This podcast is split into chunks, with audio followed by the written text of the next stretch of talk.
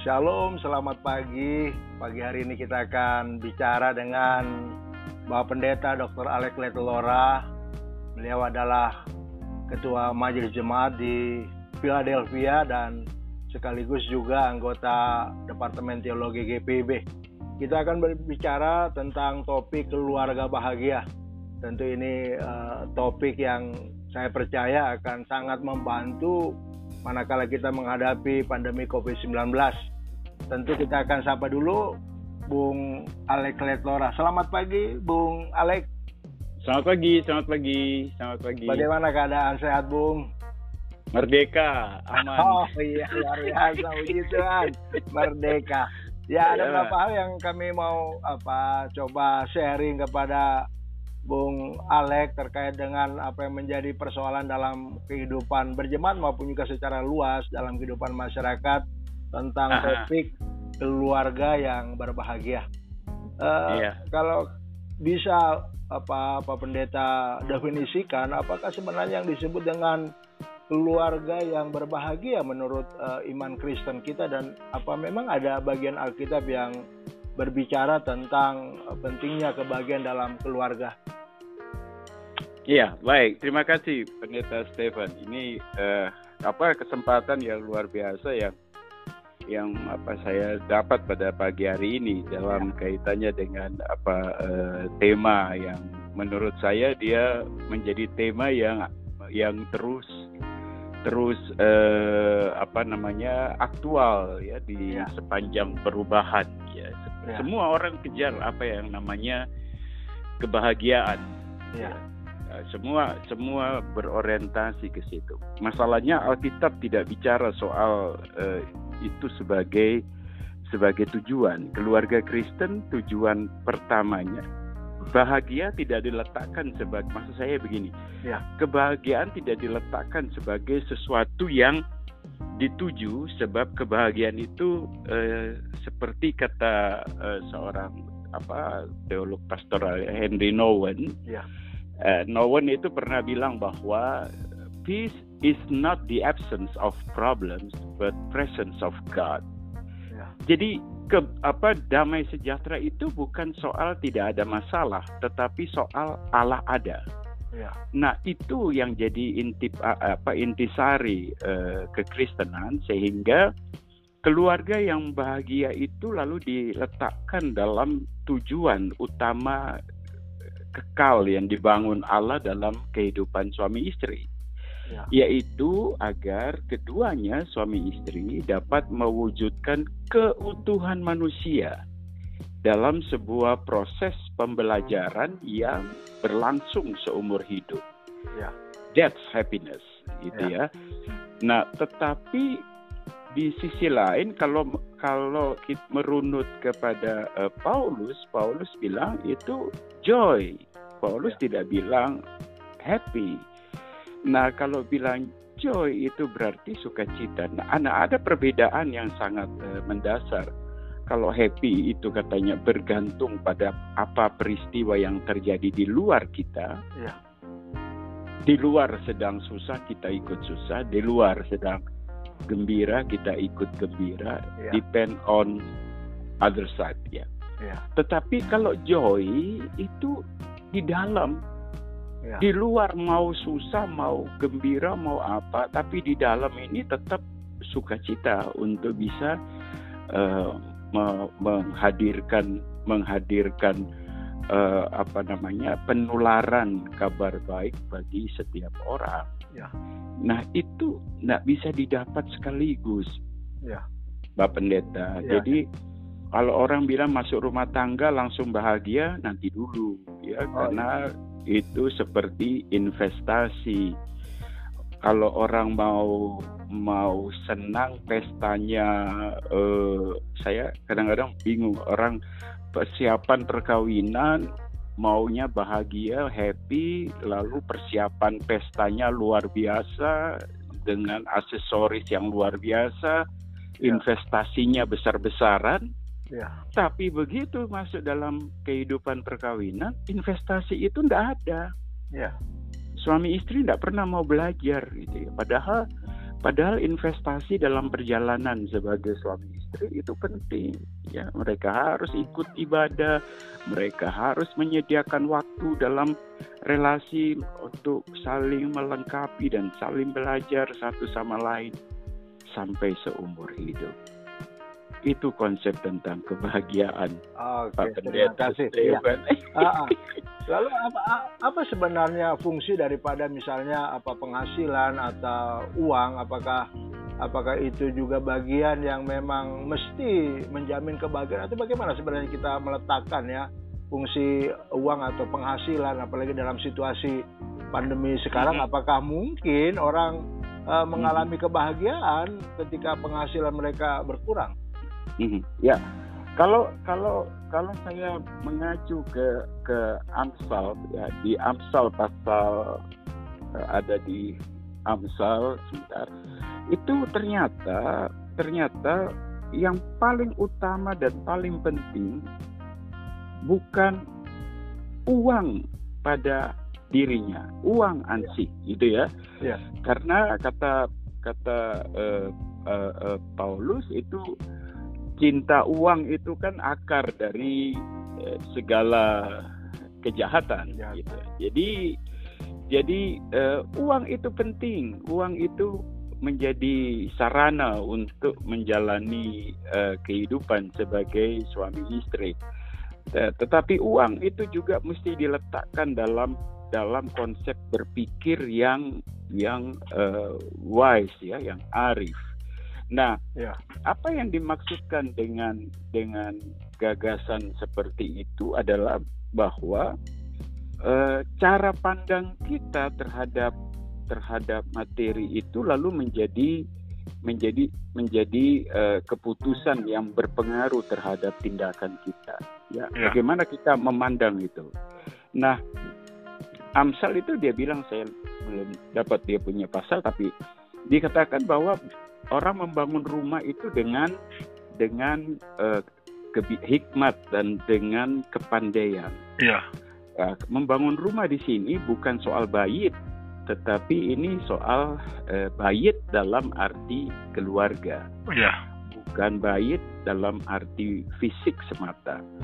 Nah, kalau itu yang dikatakan harus dibangun dengan dengan eh, pengertian dan dengan eh, hikmat, menurut saya uang sebanyak apa pun kalau tidak didasari dengan hikmat yang kuat bencanalah kehidupan suami istri itu.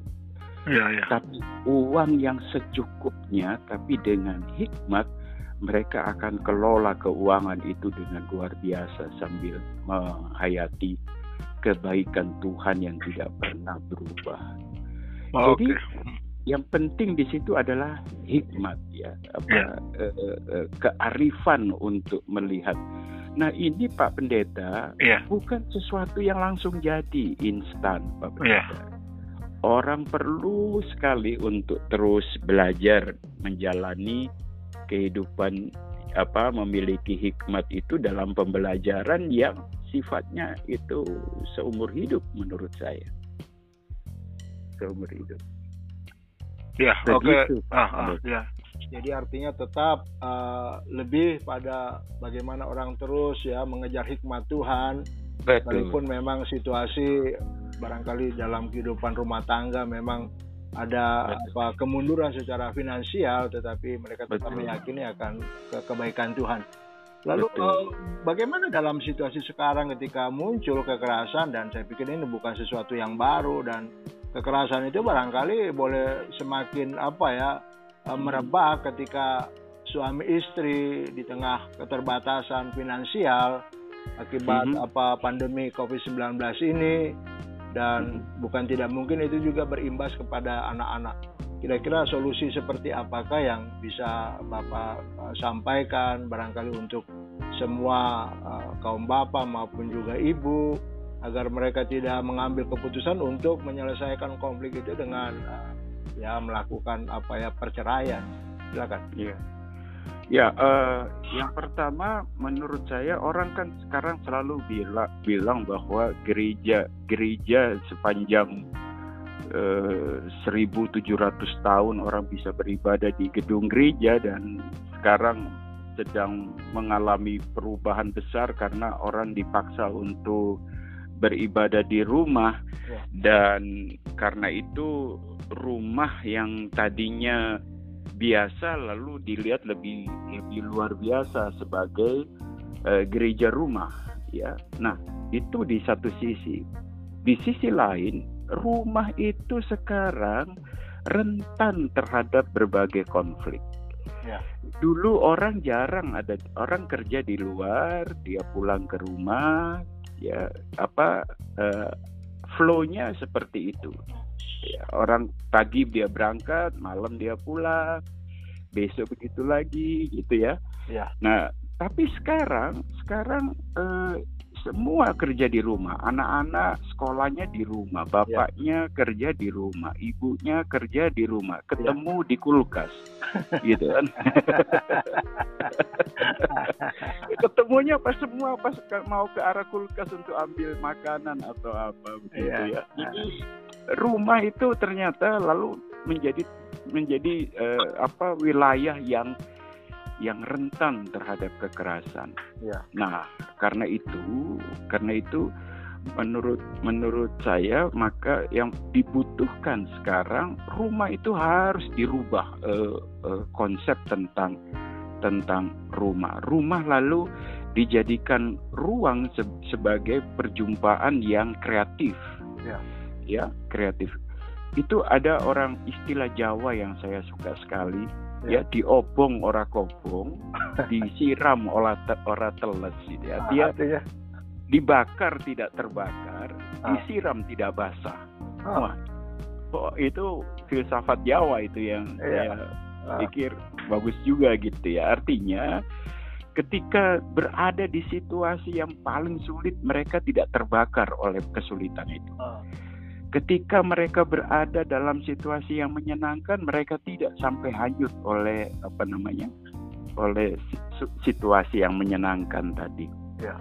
maka letakkan rumah itu sebagai uh, uh, ruang yang memberi memberi uh, apa memberi kemampuan untuk beradaptasi suami harus beradaptasi lagi dia harus selalu berada dengan kondisi yang baru dan istri semakin beradaptasi.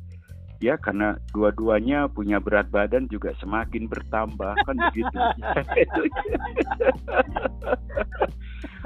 Mereka harus ada dalam meng, ya istilah Jawa itu ya sabar. Ya, ya sabar itu bukan rimau.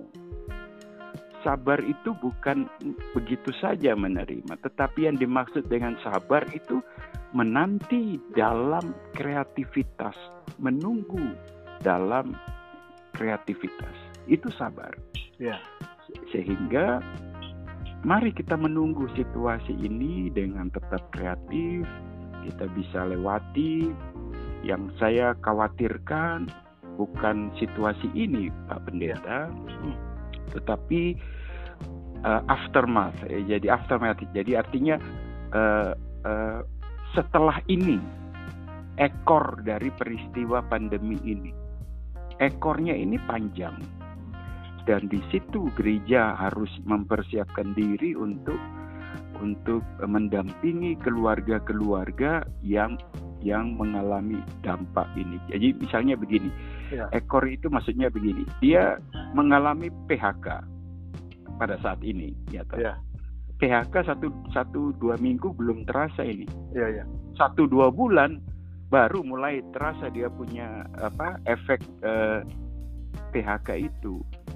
Jadi sebenarnya eh, yang perlu untuk dilihat juga bahwa kita tidak hanya concern dengan persoalan ini, tapi tapi akibat kelanjutan dari dari pandemi ini akan besar pengaruhnya untuk keluarga Kristiani dan kalau kita tidak siapkan dengan baik-baik maka keluarga Kristiani sangat rawan untuk diserang oleh kuasa-kuasa iblis yang mematikan itu. Ya.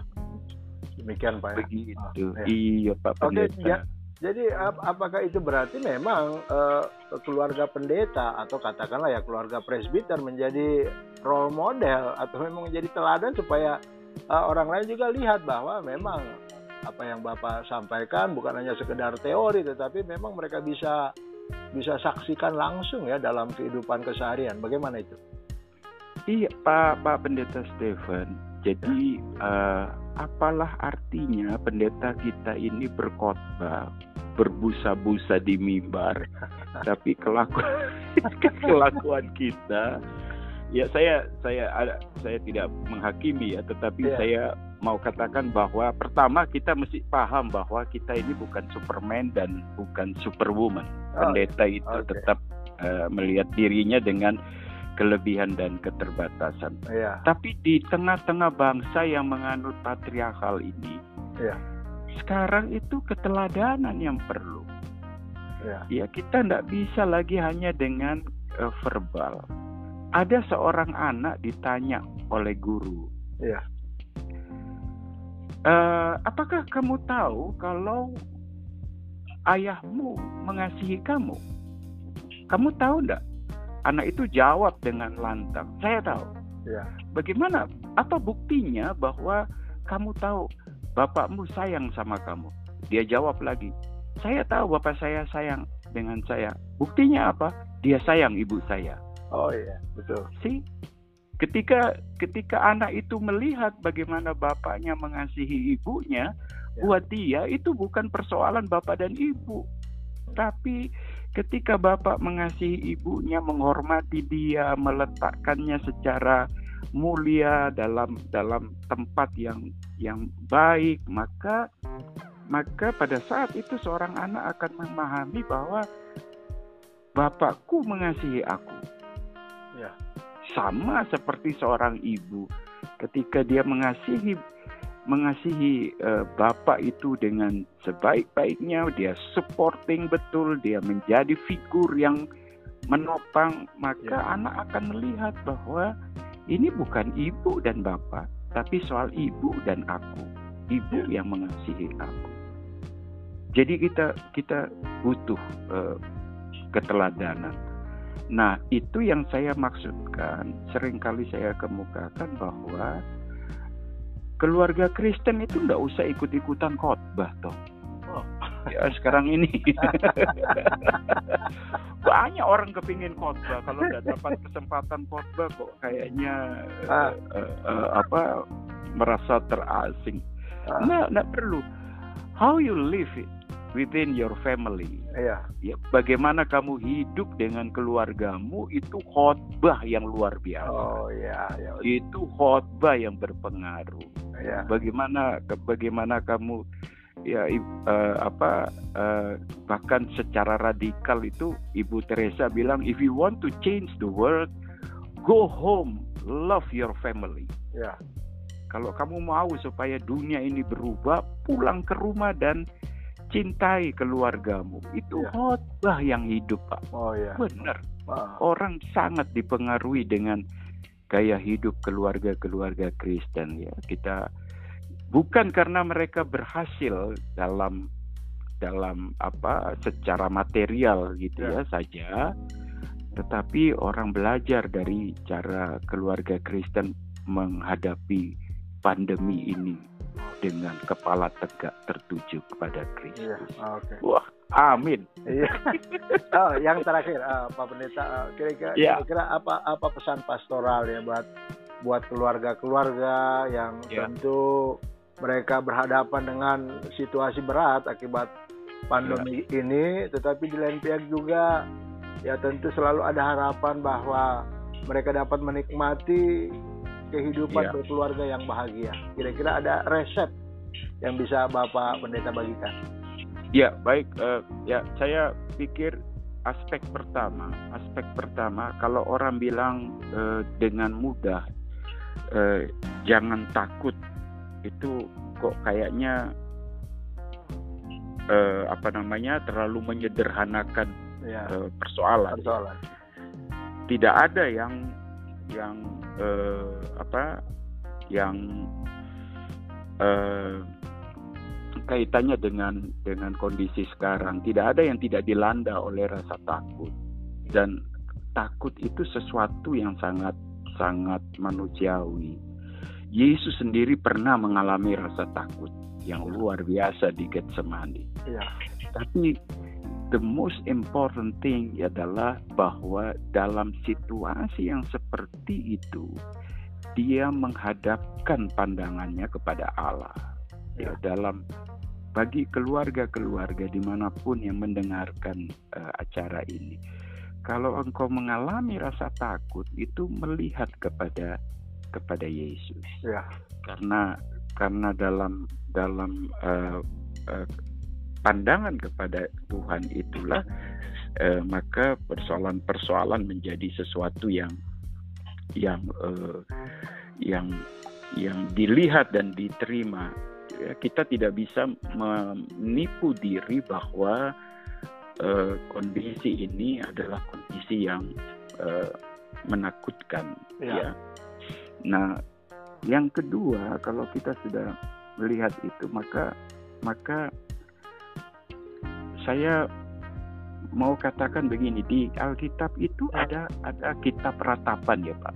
Ya. Pendeta. Ya ratapan. Ratapan itu disusun dengan dengan uh, akronim abjad Ibrani itu. Ya. Uh, tiap-tiap uh, uh, apa bagian yang ada.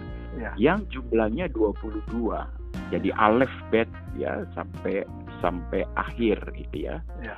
mulai dalam uh, apa namanya dalam ajat abjad uh, Ibrani. Ibrani. Ya. Apa sebenarnya yang yang di yang dimaksudkan di situ ya bahwa ini ada ada ada abjadnya.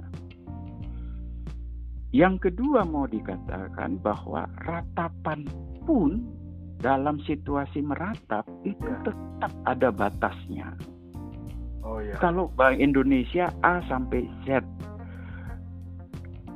kalau berada dalam situasi sulit, bagaimanapun situasi sulit itu pasti akan ada setnya. Oh ya. Gitu ya. Jadi ya. lihatlah lihatlah pergumulan ini. Saya tidak menjanjikan bahwa uh, segala sesuatu berlangsung mudah. Tidak. Ya tapi saya hanya bertolak dari Alkitab bahwa firman Tuhan bahwa yang tidak ada batasnya itu kasih Tuhan toh. Ya. ya. Yang sementara semua itu ada batasnya. Pergumulan, persoalan, sukacita, gembira, apa segala macam itu itu ya. ada batasnya A sampai Z. Ya.